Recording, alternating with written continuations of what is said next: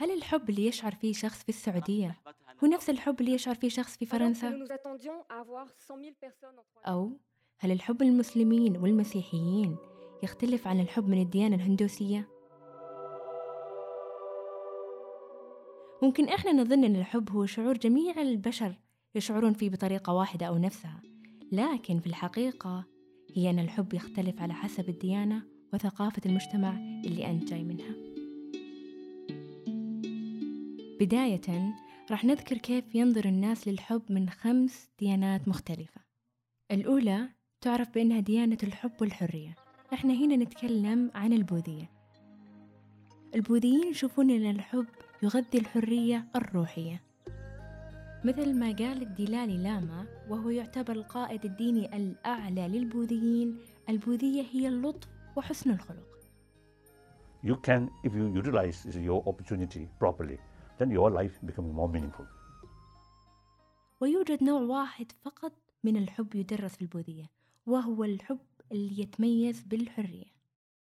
كتب ديفيد أرنسون عن الحب بطريقة تدعم مبدأ البوذية يقول فيها الحب الحقيقي هو كامل مكمل في معناه وجوهره فغياب الحب هو أساس المعاناة. والحب الحقيقي ما يترك جرح لأن الحب الحقيقي لا يمكن أنه يضيع.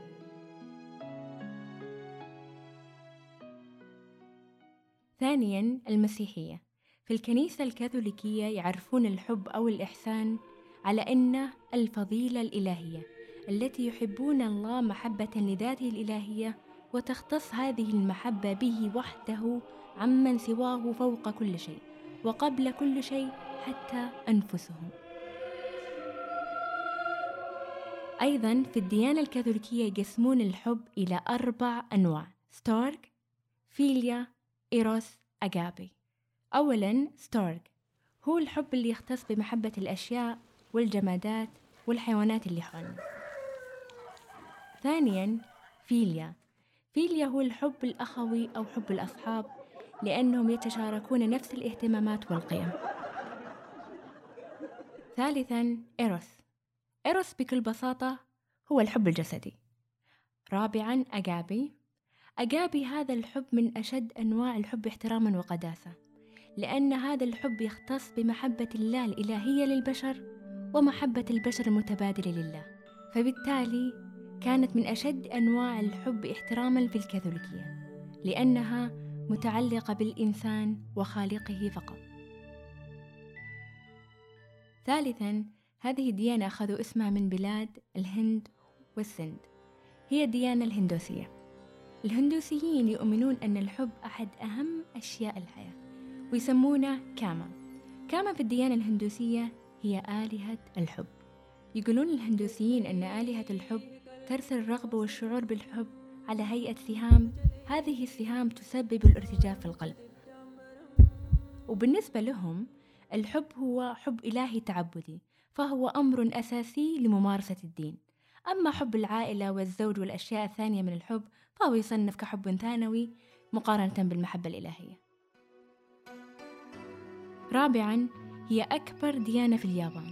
تقريبا 80% من سكان اليابان هم من هذه الديانة. تسمى ديانة الشينتو وأساس هذه الديانة هو حب الطبيعة. شينتو تعني الطريق لكامي.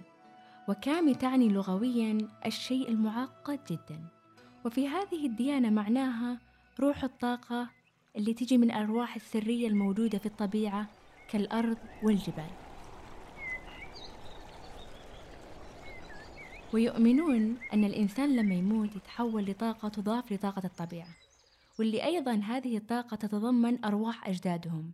عشان كذا تعتبر الأشياء الطبيعة بالنسبة لهم جدا مقدسة والإله الأهم عندهم هو الشمس.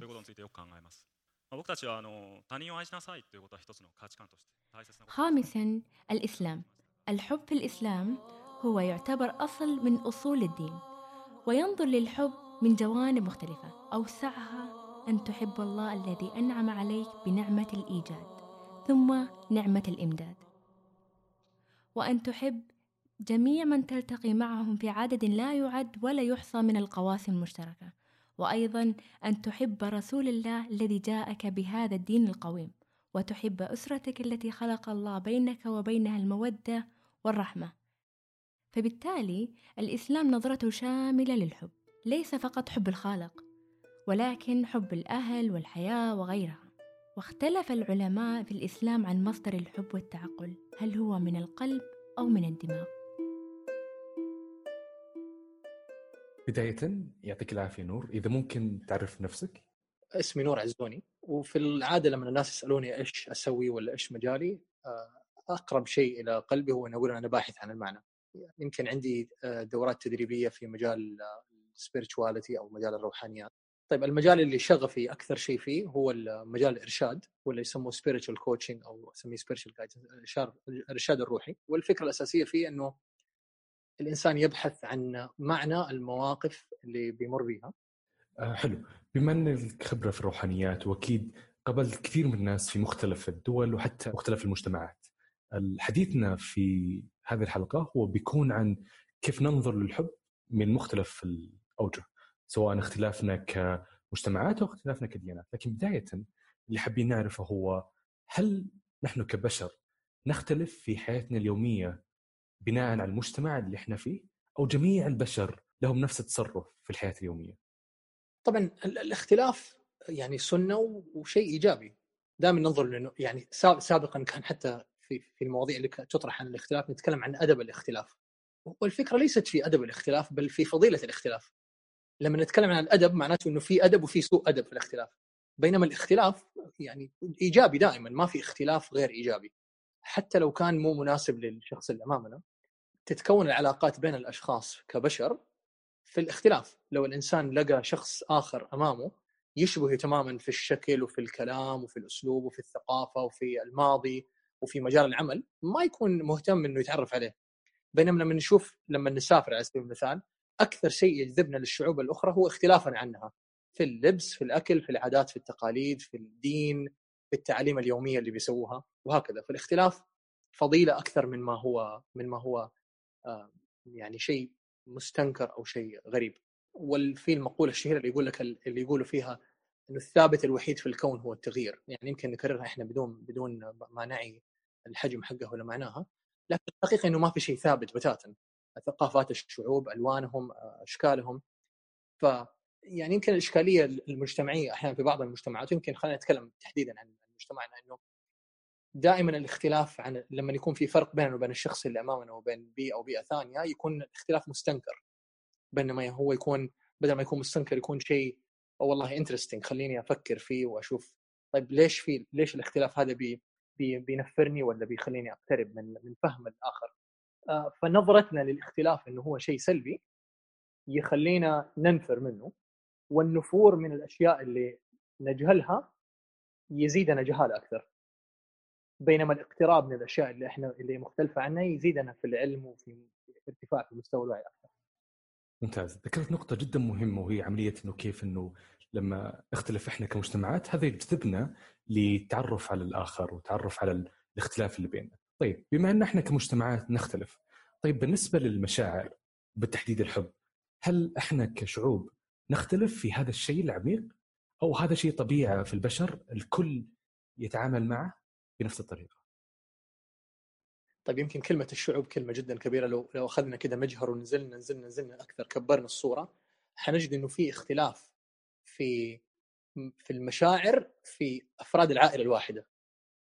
وال... ونظرتي للموضوع إنه إحنا في الغالب نتفق على الكلمات بس نختلف في المعنى. فلما الاثنين جالسين مع بعض كل كل واحد بيقول نفسه بيكرر نفس الكلمة فبيقول مثلا كلمة الحب. هل كلنا نعني بها نفس المعنى ولا المعنى مختلف تماما؟ فنتفق في الكلمات لكن نختلف جدا جدا في المعاني. فمثلا في العوائل في مفهوم الحب في في وسط العائلة الواحدة مثلا أب يضرب ابنه الصغير. بعدين الوالدة تجي تبرر هذا العمل أو الأكشن اللي سوى اللي هو عملية الضرب عن إنه هو حب. تقول والله أبوك ضربك عشان هو يحبك. فهذا مفهوم مختلف تماما من الحب. إحنا اتفاقنا على الكلمات واختلافنا في المعاني هذا يسوي فرق جوهري.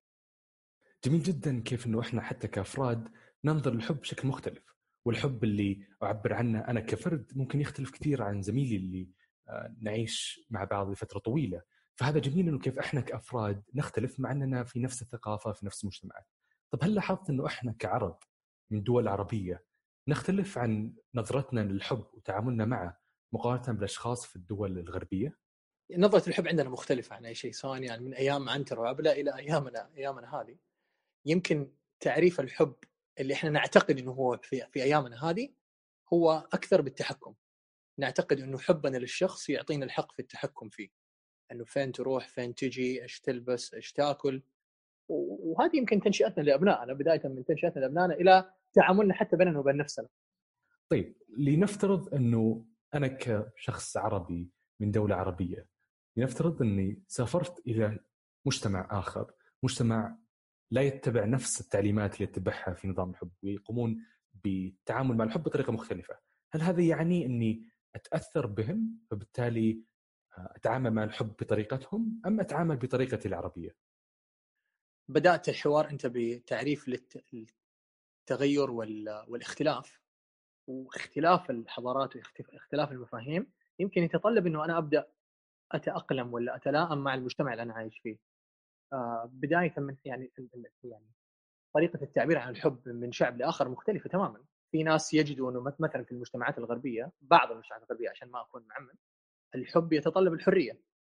إنه أنا حر في أفعالي وفي تصرفاتي وأنت إنسان حر في أفعالك وفي تصرفاتك سواء كانت في العلاقات الشخصية بين الأشخاص أو في في الصداقات. الحرية هي المبدأ الأساسي.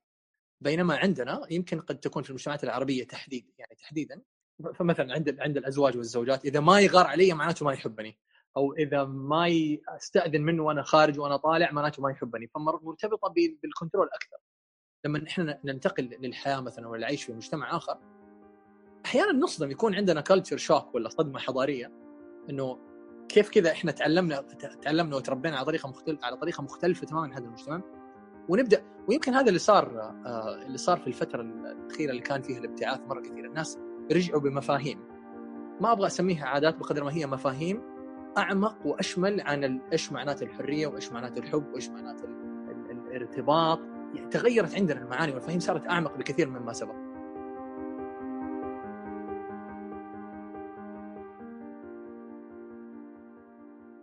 طيب هل اللي يعيشون في دولة معينة يجربون الحب بطريقة مختلفة عن الدول الأخرى؟ وهل طريقة تعبيرهم عن الحب تختلف بعد؟ في دراسة نشرت عام 2011 من دار نشر تسمى سيك وهي دار نشر أمريكية مهتمة بنشر الأبحاث الأكاديمية. أخذت مجموعة من الناس من ثلاث دول أمريكا، روسيا، ليتوانيا. ليتوانيا دولة تقع في أوروبا وشمال بولندا. اختبروا فيها سرعة الشخص سواء كان ذكر أو أنثى في الوقوع في الحب. وجدوا أن الشعب الليتواني والروسي يقعون في الحب أسرع بكثير من الأمريكيين. فتسعين في المية من الشعب الليتواني يقع في الحب خلال الشهر الأول فقط من العلاقة. لكن الشعب الأمريكي يجلس تقريبا من شهرين إلى سنة حتى يشعر أنه وقع في الحب. طيب نسأل أنفسنا ليش الاختلاف هذا بالوقت؟ يعني الأمريكان يأخذون وقت أطول بكثير حتى يشعرون أنه وقعوا في الحب مقارنة بالشعب الليتواني وهذا الاختلاف هو سببه اختلاف المجتمع والثقافة ومفهومهم للحب فمثلا بعض الأمريكيين يشوفون أن الحب هو امتداد لعلاقة الصداقة Our attempts at friendship tend to go adrift because we collectively resist the task of developing a clear picture of what friendship might really be for. The problem is that we're unfairly uncomfortable with the idea of friendship having any declared purpose. عشان كذا يأخذ الشعور بالحب وقتا أطول مقارنة بالمجتمعات الأخرى طريقة الشعور بالحب والتعبير عنه كلها تتأثر بالطابع المتعارف عليه وثقافة المجتمع اللي تربى فيها الفرد.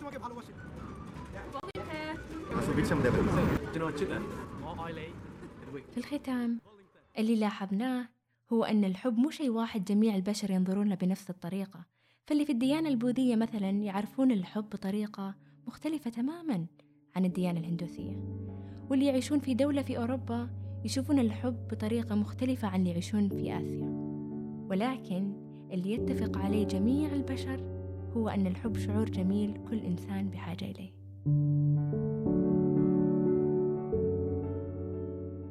جميع المصادر والأبحاث موجودة في الأسفل.